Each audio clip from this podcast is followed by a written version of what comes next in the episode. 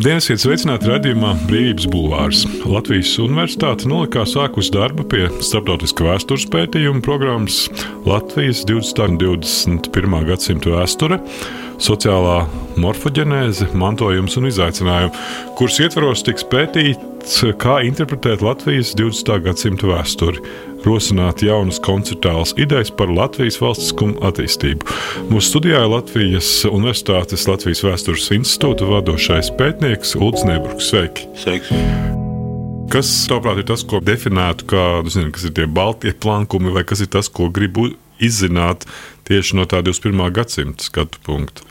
Tas, nu, piemēram, nu, konceptuāls idejas par Latvijas valstiskumu attīstību. Kas tur vēl būtu? Tās konceptuālās idejas un piedāvājumi jau mums radīsies šo trīs gadu pētniecības laikā.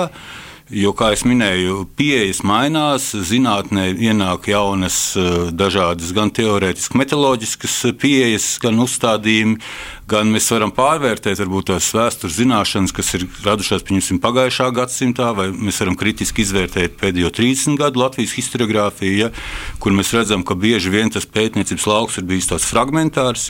Tāpat mēs arī nepietiekami esam varbūt, iekļaujušies starptautiskā pētniecībā, ja mēs esam vairāk runājuši par tiem narratīviem, kas svarīgi mums šeit uz vietas vai kaut kādām lokālām, nacionālām grupām mazāk esam varbūt eh, diskutējuši par tiem jautājumiem vai skatījušies plašākā kontekstā. Un, Mēs jau mūsdienās redzam, ja ļoti dažādi gadījumi, vienalga, kaut arī saistās ar otrā pasaules kara vēsturi, ko es pats vairāk nodarbojos. Eh, nu, vienalga, vai tā bija savulaik Kalēja Kononova lieta, vai nesen bija teiksim, Zedelgēmas pieminiekļa jautājums, kad mūs īsti varbūt nesaprot. Ja?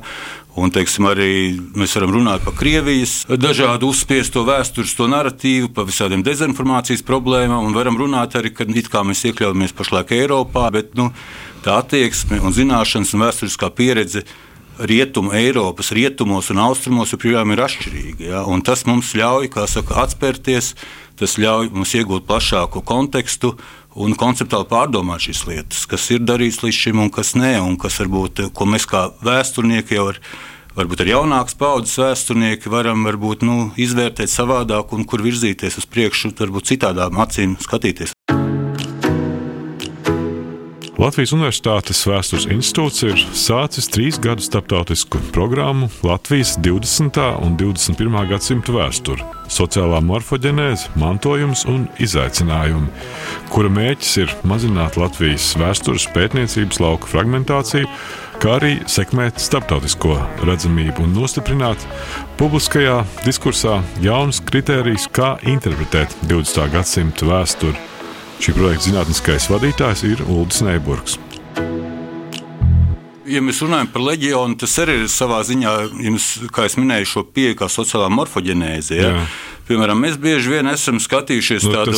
Tas, tas Beļģijas gadījums jau parādīja šo. Un to kolēģis, starp citu, Mārtiņš Kaprāns un Jānis Tomaševskis ir analizējuši, un to līdz būs pārreklamēt žurnālā Letonika, būs publikācija tieši par šo Zedelgēmas nometnes, gan vēstures stāstu, gan ar tām peripētijām līdz tam ekspertu semināram vai kolokvijam, kas bija par šo jautājumu, kas vispār nolēma to pieminiekli pārvietot. Ja. Tur jau var nākt iekšā visas tās sociālās dažādas attiecības, politiskās struktūras, un, un īstenībā mēs redzam, ka Vairāk tā problēma bija nevis pašā vēsturē, bet problēma bija, protams, šajā dažādu Eiropas daļu vēsturiskajā pieredzē atšķirīgajā, un problēma bija tieši Beļģijas, varbūt ārpolitiskajā, teiksim, kādā flāmu valoņu savstarpējā politiskajā arī struktūra cīņām, mēs tā varam teikt. Ja? Bet, eh, kā saka Mārtiņš, Jānis to diezgan labi domāju, ir aprakstījuši. Bet tas jautājums, ko varētu darīt un kā darīt, piemēram, mūsu projekta ietvaros arī kolēģis Kārlis Kangeris raksta monogrāfiju, kas beidzot iznāks par uh, Latviešu leģionu veidošanas politiskajiem aspektiem, ja? kur tas skatījums uz lietām ir varbūt daudz plašāks un daudzslāņaināks, kā mēs esam bieži vien. Nu, tikai tādā vienkāršotā kategorijā skatījušies, kā teiksim, varoņu upuri vai, vai noziedznieki. Ja, teiksim, tur ir svarīgs tās latviešu intereses, vācu intereses, kā mēs līdz tam leģionām vispār nonācām. Un tāpat arī var minēt citus gadījumus, ja nu, kaut kādā piemēram holokausts. Ja, holokausts Latvijas mazpilsētās, kas ir pētīts varbūt Kaut kādos atsevišķos gadījumos ir, citos vairāk, citos mazāk. Te pirms pāris gadiem atceries, bija tas Valdemāra pilsētas gadījums, kad atklājās, ka pa maz ir runāts, varbūt, ko ir vietējie iedzīvotāji darījuši, kas ir arī līdzdarbojušies, kas ir nu, mantas piesavinājušies īpašumus, un ka tas ir neērti vēl šodien. Ja? Tāpat mēs zinām, pieņemsim arī pēckara nacionālajie partizāni vai saistībā ar holokaustu Lietuvā ir vairāk tie teiksim, apvainojumi ar starptautiski par šo līdzdalību, kas daļēji atsevišķos gadījumos tā ir, ja Latvijā mazāk. Bet, piemēram, tas pats Aknīstas gadījums, ja, kur blakus šodien aizbraukt uz Aknīstu, ir gan holokausta upuru abadījuma kapi, jā, gan ar Nacionālo partizānu piemiņas vietu. Ja, viens no tiem cilvēkiem, kas tur ir abadīts, ir arī ņēmis dalību teiksim, tajos holokausta norisēs, apsardzē vai kā. Bet ko es ar to piemēru gribu teikt? Ja?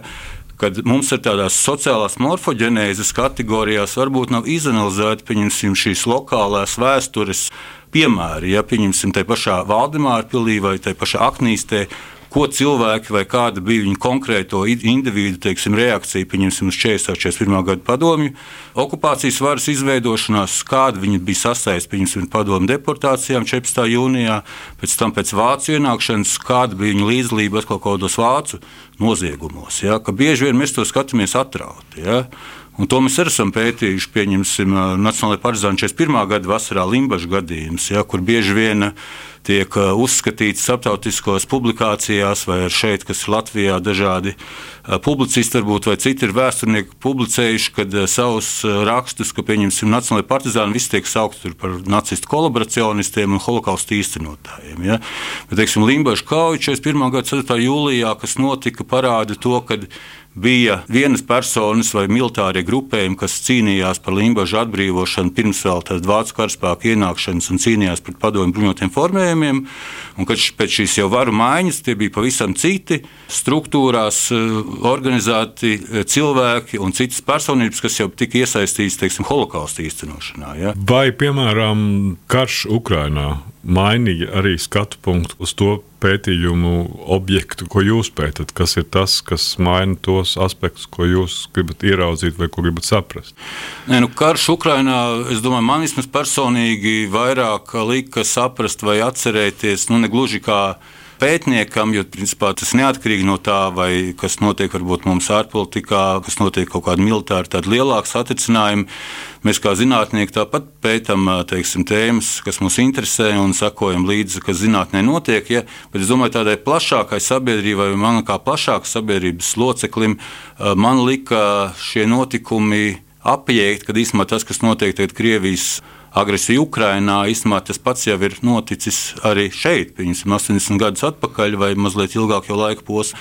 Kad ir bijis PSRS okupācija, Naciskās Vācijas okupācija, un citu šī paša Latvijas Universitātes valsts pētījuma programmas projekta ietveros mēs plānojam brīvdabas izstādi sadarbībā ar Kara muzeju, Rīgas domu un citām pašvaldībām vai muzejiem par Latvijas pilsētu likteņu 1944. gadā, ja, kur arī ir dažādi mīti un leģendas, ja, ko tu minēji, kas būtu tas jauns vai kā to varētu skatīties. Ja, ja vairāk vai mazāk mēs tagad esam sapratuši, ka nu, Reizekne pieņemsim cieta 44. gada aprīlī lieldienās to uh, sagrāvu kādos vismaz 11 padomju aviācijas uh, triecienos gāja desmitiem kopā uh, civiliedzīvotāji. Ja tad vēl daži gadi atpakaļ, kad vēl tas Aļoša tur stāvēja vietējais Reizeknas centrs, es domāju, daudz reizekniešu to nemaz neapjēdza. Ja? Vai, piemēram, Gulbeni, kas piedzīvoja 44. gada arī aprīlī padomju aviācijas trieciens, līdzīgi kā to piedzīvo tagad Ukraiņas ar iedzīvotāji.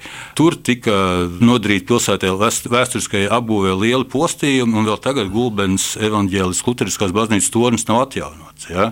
Un, ja to, jūs aizbrauktu uz Gulbeni, tad mēs varētu izlasīt, ka to ir izdarījuši vācieši, ja, kas īstenībā tā nav. Tāpat ar Jēlgavu, kas tika nopostīta padomju vācu karaspēku sadursmēs, un, un teiksim, tā apjēgsme, tas Ukraina, Latvija, tas varbūt nav tiešas paralēlas, jo vienā gadījumā mēs runājam par vienu agresoru un upuri, otrā gadījumā mēs esam upuri kas atrodās pa starp diviem citiem agresoriem, bet tas cilvēku likteņi, mūsu zaudētās kultūras, vēstures vērtības, zaudētās cilvēku dzīvības, spiesta došanās bēgļu gaitās, tas viss, kā saka, uzjundīja, tie Ukraiņas notikumi uzjundīja to un varbūt ar to pētniecisko interesi varbūt, nu, pastiprina. Tā es varētu teikt. Bet, piemēram, nu, Krīmas okupācija jau 14. gadā, un tad uh, iebrukums Ukrajinā nu, bija ļoti konkrēts paralēls ar to, kas notika 1940. gadā. Un arī šobrīd, ja mēs skatāmies politiskās dienas kārtības jautājumus Latvijā, nu, piemēram, robežu izbūve. Vai mēs varam skatīt kaut kādus salīdzinājumus ar to, kas notiek 40. gadā? Nē, nu, tās būtu mācības, ko mēs esam teikuši. Mēs, mēs no mēsures esam mācījušies. Nu, tur varētu vēl strīdēties, vai tā robeža ir stiprāka tagad vai tad, un vismaz tā robežsardze, cik ir nodrošināta mūsdienās. Tad, bet nu, jāsaprot, ir milzīga atšķirība, diezgan liela atšķirība. Ja, ja mēs runājam par Latvijas-Krievijas robežu ja, un par iespējamu agresoru Krieviju, tad Latvijā mēs zinām, ka posmā ir vairāk šie nu, aizsardzības plāni. Gan pret Padomu Savienību, gan pret Vāciju, gan gadījumam, kad abas šīs valstis iebūtu Latvijas teritorijā. Tas arī tāds varbūt vēstures mīts vai leģenda, vai ko bieži Krievija savā dezinformācijas kampaņās lieto, ka Latvija ir bijis kaut kāda fašistiska valsts. Ja? Bet, ja mēs paskatāmies līdz 1939. gada septembrim, oktobrim, Latvijas teiksim, militārie eksperti, ja drošības eksperti, viņu aprēķinos plānos Vācija joprojām bija tātad eventuālais agresors numur viens. Ja? Tikai no šī 39. gada rudens no šī laika posma notika šī pārorientācija uz PSRS kā lielāko draudu, un kā mēs zinām, tas arī ir visi šie plāni izrādījās, diemžēl, nu, nepārāk funkcionējoši, ja, jo sarkanās armijas ienākšana Latvijā notika no dienvidiem ar Lietuvas teritoriju. Kas notiek uz robežas, kāpēc mēs mūsdienās nevaram to žogu tik ilgi uzbūvēt? Un, nu, tas nav jautājums droši vien vēsturniekiem, bet tur var runāt droši vien par kaut kādu arī korupcijas riskiem, lietām, un var runāt par kaut kādu kadru sastāvu un arī par atbildību augstāka, zemāka līmeņa. Un, tas īstenībā arī svarīgi. Ja mēs uz vēsturi, piemēram, skatāmies, ka vēsture ir svarīgi kaut kādos mūsdienu informatīvā kara apstākļos, tad mana tēze būtu, ka eh, nemazāk svarīga ir šodiena, vai svarīgs ne tikai sabiedrības zināšanas par to, kas pagātnē noticis, bet arī sabiedrībai ir svarīgi, ka tā attiecās pret mūsdienu kaut kādu politisko varu, pret uh, savu valsti, pret tās cilvēkiem, kas veido šo politisko sistēmu, kāda ir šī attieksme. Ja? Tāpat arī sociāla-ekonomiskais, kāds ir cilvēku stāvoklis. Viena lieta ir, ir valsts nozagšana un šis process, un cita lieta, kad ir uzticība kaut kādam nu, valsts demokrātiskai pārvaldei un tā tālāk. Ja? Ulrichs Neburgs ir Latvijas Universitātes Latvijas Vēstures institūta vadošais pētnieks, bijis pētnieks Latvijas okupācijas muzejā, publiskās vēstures nodaļas vadītājs, kā arī Latvijas kara muzeja pētnieks, otrā pasaules kara vēstures nodaļas vadītājs. Šobrīd vada starptautisku vēstures pētījumu programmu Latvijas 20. un 21. gadsimta vēsture, sociālā morfoģenēze, mantojums un izaicinājumi. 2012. gadā aizstāvējis doktora disertāciju par tēmu Latvijas Latviešu Nacionālā pretošanās kustība un rietumu sabiedrotie. Daudz zinātnisko rakstu un vairāku monogrāfiju autors draudu un cerību lokā Latvijas pretošanās kustība un rietumu sabiedrotie 41. un 45. gads grāmatas aiz šiem vārtiem Baidas zemes salaspils nometne autors un līdzautors, grāmatu grēka un ienaida liesmās Latvijas otrā pasaules kara stāsti, autors, kā arī vairāk dokumentālo filmu, pretrunīgā vēsture, Latviešu leģions scenārija autors. Ulriņa Eburga pētnieciskais lauks ir Latvijas otrā pasaules kara vēsture, pretošanās un kolaborācija padomju un nacistu okupācijas laikā. Līdz ar padomju karavīriem veltītā pieminiekļa demontāžu pārdagavā daudz teica, nu, ka noslēdzies laikmets vēsturē. Kā tu skaties uz to, kad beidzas laikmeti? Tur, man liekas, ir tāda mazliet eh, lielāka atkāpe vai plašāka. Nu, kad, piemēram, beidzās otrā pasaules kara pēckarš? Jā. Es varbūt vairāk teikšu, varbūt saistībā ar Latvijas otrā pasaules kara vēsturi, varbūt ne tik, tik plašā kontekstā, mums varētu pasaules kontekstā, tas varbūt katrā reģionā savādāk, ja, bet viņus mēs savulaik, kad publicējam ar savas eh, populāras zinātniskās grāmatas Dievs tev zemi dega Latvijas otrā pasaules kara stāsti un grēku un ienaidnieku liesmās, arī Latvijas otrā pasaules kara stāsti. Man bija svarīgi tās grāmatas uzrakstīt tieši tad, īpaši šo pirmo, jo man likās, ka tā otrā pasaules kara laika paudze aiziet. Ja? Un, ja mēs tagad paskatāmies, arī nu, atkal varam pieminēt visādus arī Krievijas mēģinājumus, atkal varbūt negatīvi iespaidot kaut kādu Latvijas tēlu un publicēt uh, izdevumus, nezinu, ar uh, vēl dzīvo leģionāru vārdiem. Nu, ja pirms dažiem gadiem. Vēl, ja? Tad, ja tagad nu, mēs skatītos, tad vārdi varbūt tur būtu nu, daži. Ja? Kā, no vienas puses atbildēt jautājumu, kad beidzās tas laikmets vai laiks, es domāju, kad nomainās tās paudzes, ja kad nav to dzīvo atsliecinieku. Ja? Bet tas no vienas puses būtu tāds pārāk tāds tiešs primitīvs teiksim, skatījums, jo, jo tā vēsture jau turpina dzīvot. Nu, Nu, tas pa... gan netraucē Krievijai būvēt 9. māju. Nē, nu, tieši tā, nē, nu, es domāju, tā, tā vēsture, kas kādas divas, trīs paudzes, mm. jā, teiksim, ir dažādas jau koncepti par to, kā tas attīstās. Un, un, protams, tas, kas mums ir arī ģimeņu šie stāstu klātesamība. Un, tas jau nu, tas nomainās gadu desmitiem paudzēm tā pakāpeniski. Tas nav tā, ka mēs tagad nojaucām tā saucamo uzvaras pieminiektu un tagad nu, nākušā dienā pamodāmies citā realitātē. Ja? Nu, es domāju, uzvaras pieminiektu nojaukšana bija drīzāk tāda nepieciešamība, tāds simbolisks žests, ja? bet tas jau nenozīmē, ka ar to teiksim, viss apstājās un par to mums nav vairāk jārunā un kad cilvēku prātos šīs tēmas vairāk kā, nu, nav aktuāls. Nebūtu, ne brīvība, robežas, personība, vara, tauta, ideja, viedoklis, nākotne, dzīve un attieksme. Radījums Brīvības Bulvārs. Jānis Sārts, kurš arī starp citu ir vēsturnieks, Statkom vadītājs, nesen intervijā skaidroja, ka pat labāk notiek Krievijas informācijas operācijas, kuras mēģis ir pastiprināt cilvēku emocijas un, nu, un radīt to nolemtības sajūtu, ka Ukraiņas zaudēs, rietumi būs nākamie, Baltijas valstīm būs beigas un ka ļoti nozīmīgu daļu šajās operācijās ietver tieši arī šīs informācijas operācijas, no kurām būtiska daļa ir arī uh, jautājumi par vēsturi kādā veidā nu, mēs varam veidot kaut ko, es nezinu, kas tas būtu kontrapropaganda, būt gataviem šāda veida uzbrukumiem, kas būtu darāms, lai mēs būtu spējīgi reaģēt uz to. Nu, ja tas ir jautājums man kā vēsturniekam, tad, manuprāt, vēsturnieki var darīt vienu, jā, radīt zināšanas. Latvijas problēma bieži vien ir tā, ka tas ir tīri objektīvi iemesli, ja, ka mēs esam nodarbojušies ar to ugunsgrēku dzēšanu, ja tur pa 16. martu vai pa citiem jautājumiem. Ja.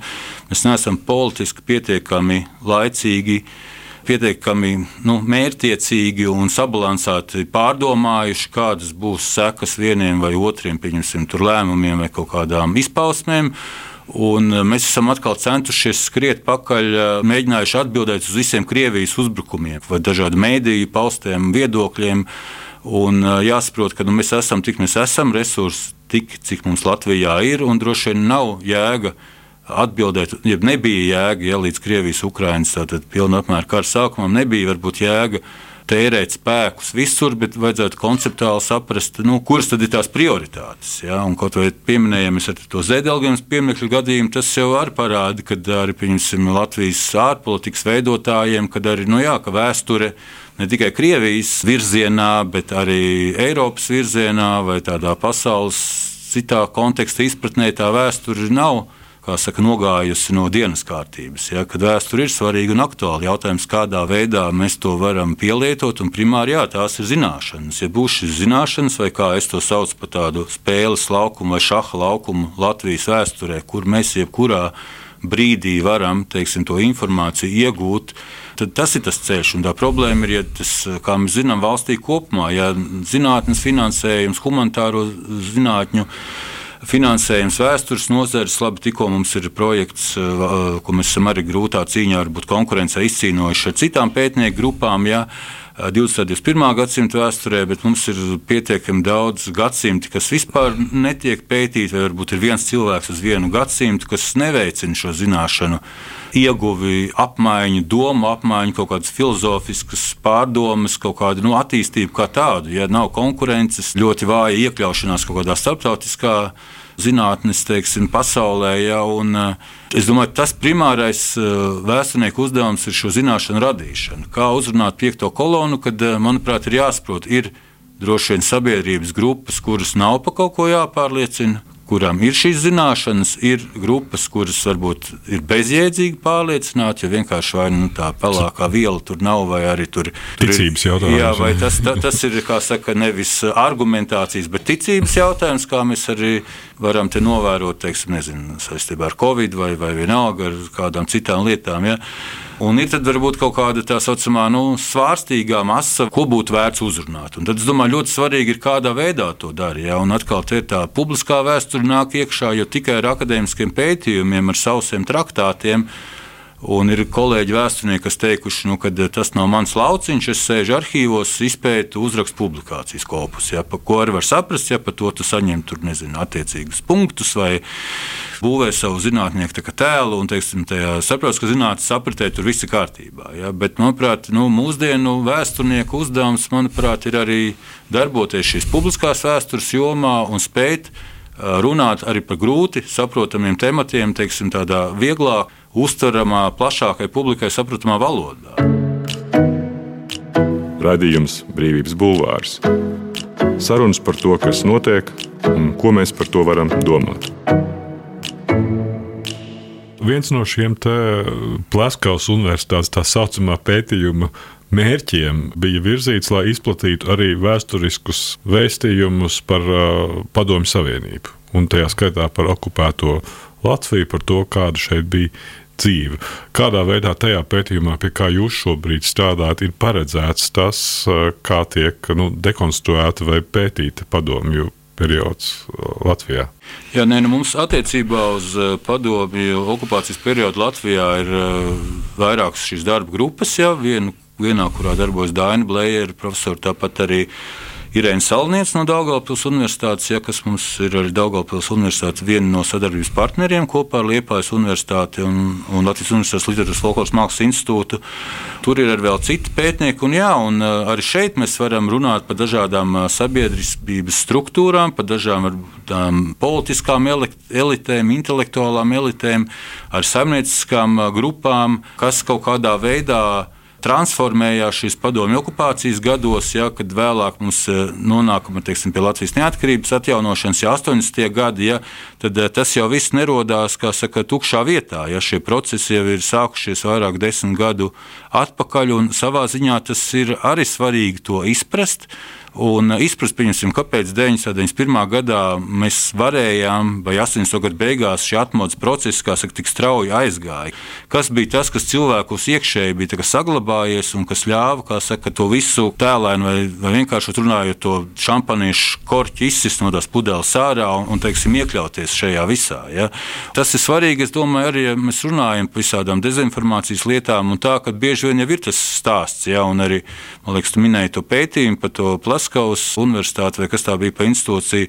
Tur jau bija tā tēze, ka jāiedarbojās tagad vairāk uz kaut kādu pat latviešu auditoriju. Protams, šī jomā ir vēsturnieki daudz ko darījuši un citi, jā, bet arī es teiktu tā, ka varbūt tādas struktūrāls pieejas nevienmēr ir bijis. Un, Un mūs tas, protams, interesē īpaši publiskās aktivitātēs, kas mums ir plānotas gan Latvijā, dažādos reģionos, piemēram, tāpat Daugopils Universitāte ir plānojusi tādu ceļojošo izstādi, arī, vai tā vispirms būs digitālā veidā par uh, Latvijas atmiņu telpu, ja, kā cilvēki atcerās lietas un, un tā tālāk. Un tas ir svarīgi, es domāju, arī visos reģionos. Un tas padomu laiks, ja tu iepriekš minēji, kurš tur laikmets beidzās vai kurš ir svarīgi, man ir tāda iekšēja sajūta, ka varbūt tie otrā pasaules kara notikumi, ar ko es pats esmu vairāk nodarbojies, tagad vairāk vai mazāk zaudēja to aktualitāti. Ja?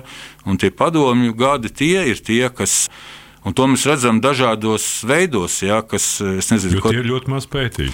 Pirmkārt, ir maz pētīti, otrkārt, nu, tur ir tas apjoms ir daudz lielāks, un pētīt varbūt, kā saka, ir tie 50 gadi, kas ir sākums, nu, 40. gadu otrā pusē, 50. gadu saļnismu laiks, un tad atkal tās beigas, ja 80. gadi, ja, bet tas starposms ir mazāk pētīts. Tāpat es domāju, svarīgi ir, eh, kur ir tā problēma bieži vien sabiedrībā. Un nav jābrauc uz Latviju. Ja es pats esmu bijis, piemēram, Kurzemē, tas man liekas, bija kuldīgā tajā kas ir tas tehnoloģiju institūts, vai kā viņš tagad saucās. Ja? Tur bija arī viens seminārs par padomu laiku vēstures mācīšanu. Tagad neatceros uh, vārdu. Viena vēstures skolotāja minēja, ka viņa organizē šo nu, pedagoģisko programmu, un tur ir uzdevums intervēt nu, skolāniem savus vecākus, vai kā, kā viņiem tur gāja tur kolhozu laikos. Bieži vien tie stāsti ir tādi, nu, ka viss bija labi, cilvēki bija jauni, viss tur notika, bija nu, nebrauc projām, un nu, kas tur viss tur pietika, ja minimālās prasības bija norganizētas. Tad viņi stāsta, jā, nu, kad es skolāniem stāstu. Ja, kad, nu, jā, kad viena lieta ir tie ģimeņu vēsture, ko stāsta ģimenēs, otra lieta ir ko stāsta vēsturnieki. Ja?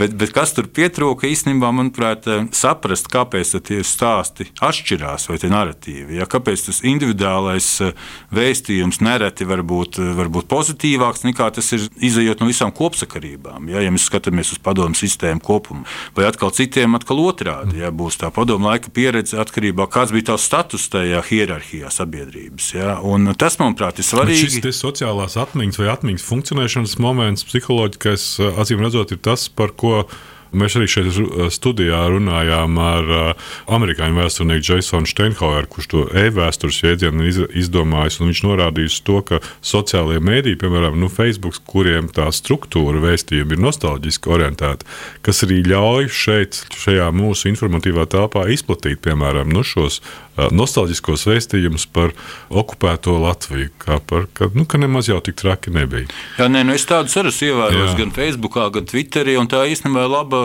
saka, tāda pētniecības bāze, ja mēs gribam saprast to mūsdienu skatījumu un kā darbojas visādas sociālās platformas un tā tālāk. Nu, jo ja? šī ir tāda reāli nu, jau hibrīda kara piemēra pēc būtības. Nu, pēc būtības, jā, bet nu, tas, saku, tas labi parāda, Tur gan ir jāskatās, kas pauž to informāciju. Nu, nu, kas labi... mūsdienās jau vairs nevar saprast, kas pauž Jā, informāciju. Nē, nu, ir jau pētījumi, kas parāda, ka, nu, nezinu, pieņemsim, varam runāt ar kaut kādu par, nezinu, mums ir Nacionālās encyklopēdijas projekts, kas var būt ļoti veiksmīgs Walters Čirbīnska vadībā, bet, nu, ja mēs bieži vien uh, ierakstām to, ko mēs meklējam, ja mums izmet, protams, Wikipēdija pirmo, nevis Nacionālā encyklopēdija. Es domāju, kādā veidā šobrīd mēs varam domāt arī par tām situācijām, nu, ko nozīmē pēckara jēdziens. Nu, ko piemēram nozīmē pēckara jēdziens pēc otrā pasaules kara? Cik tas ilgi ilga, un ja mēs, nu, nezinu, ir dažādas prognozes, cik ilgi var ilgt Ukraiņas karš, vai mēs šobrīd jau varam prognozēt pēckara modeļus? Nu, es būtu ļoti piesardzīgs, ja pēckara karš Krievijas-Ukraiņas kara kontekstā, nu, tad, diemžēl, izskatās, ka tas process ir tāds ne tik ātrs, bet drīzāk viņš būs ilgs. Viena lieta droši vien ir runāt par kaut kādiem sociāli-ekonomiskiem procesiem, kas varētu notikt pēc tam. Es pieņemu, tātad eh, Krievijas zaudējumu. Valdemirs Zaļenskis un Edgars Rinkevičs jau parakstīja vienošanos par Latvijas gatavību atjaunot Ukrainu. Jā, jā, nu, pēc kara. Gribēju teikt, Tāpēc jā, jā. parādījās pēckara jēdziens jā, jā, viena, politiskās dienas kārtības. Uh, vien, viena lieta ir, ka sociāli-ekonomiskie procesi un Ukrainas atjaunošana, kur es pieņemu Eiropas Savienība un arī citas valsts var ļoti daudz ko darīt un darīs, un tas, tas notiks. Jā, bet otra lieta droši vien ir tīri tā mentālā apziņa par to, kas tad eh, šajos gados ir noticis un kādas ir tās sekas, gan fiziskās, gan garīgās eh, tieši ko piedzīvojuši cilvēki, ja ne tikai infrastruktūra, ja, ko var droši vien atjaunot ātrāk vai vēlāk. Tur būs lielākas problēmas, un tas būs daudz ilgstošāks process. Ja. Un tāpat arī, mēs skatāmies par to pēckaru piemēram, nu, ar atkal Latvijas vēstures kontekstā, man radies iespējas, ka nu, cilvēkiem Krievijā vai ko liecina kaut kādas socioloģiskās aptaujas un tam līdzīgi, pieņemsim, tādas Baltijas valstis ir lielāks ienaidnieks viņu apziņā vai, vai tajā veidotajā apziņā Putina režīma nekā, pieņemsim, Vācija, ja, kas bija nu, agresors un, un teiksim, nu, kas uzbruka Padomu Savienībai, ne jau mēs uzbrukām. Ja? Un tad jautājums, kā tagad sakārtosies kaut kādas Krievu-Ukrāņu attiecības nākotnē. Ja? Tā, es domāju, tas, tas būs daudz lielāks, problemātiskāks process nekā, pieņemsim, Padomu Savienības Vācijas gadījumā Otrā pasaules kara laikā. Nu, tas jau var ilgt gadu desmitiem. Mēs zinām, kāpēc Otrā pasaules kara kāda bija vēl aizvien daudz vietu pasaulē attieksme. Es nezinu, pret Vāgneru vai Nīču bija skatījās ar aizdomām. Jā, jā, protams, bet es domāju, tieši nu, Padomu Savienība, Vācija, Krievija, Ukraina. Man liekas, tas otrais gadījums būs daudz komplicētāks. Jā. Paldies! Tas bija Latvijas Universitātes Vēstures institūta vadošais pētnieks Ulris Neburgs. Mans vārds Kins Grūber, radījuma ierakstīja Toms Šits un Monteja Nora Mītspapa. Paldies! Jā, paldies! Ginte. Brīvība ir brīvība. Nevienlīdzība vai taisnīgums, vai kultūra vai cilvēks laime. Tā teica Iesai Berlīns sarunas ar brīvas apziņas un ideju cilvēkiem, radījumā Brīvības Bulvārs.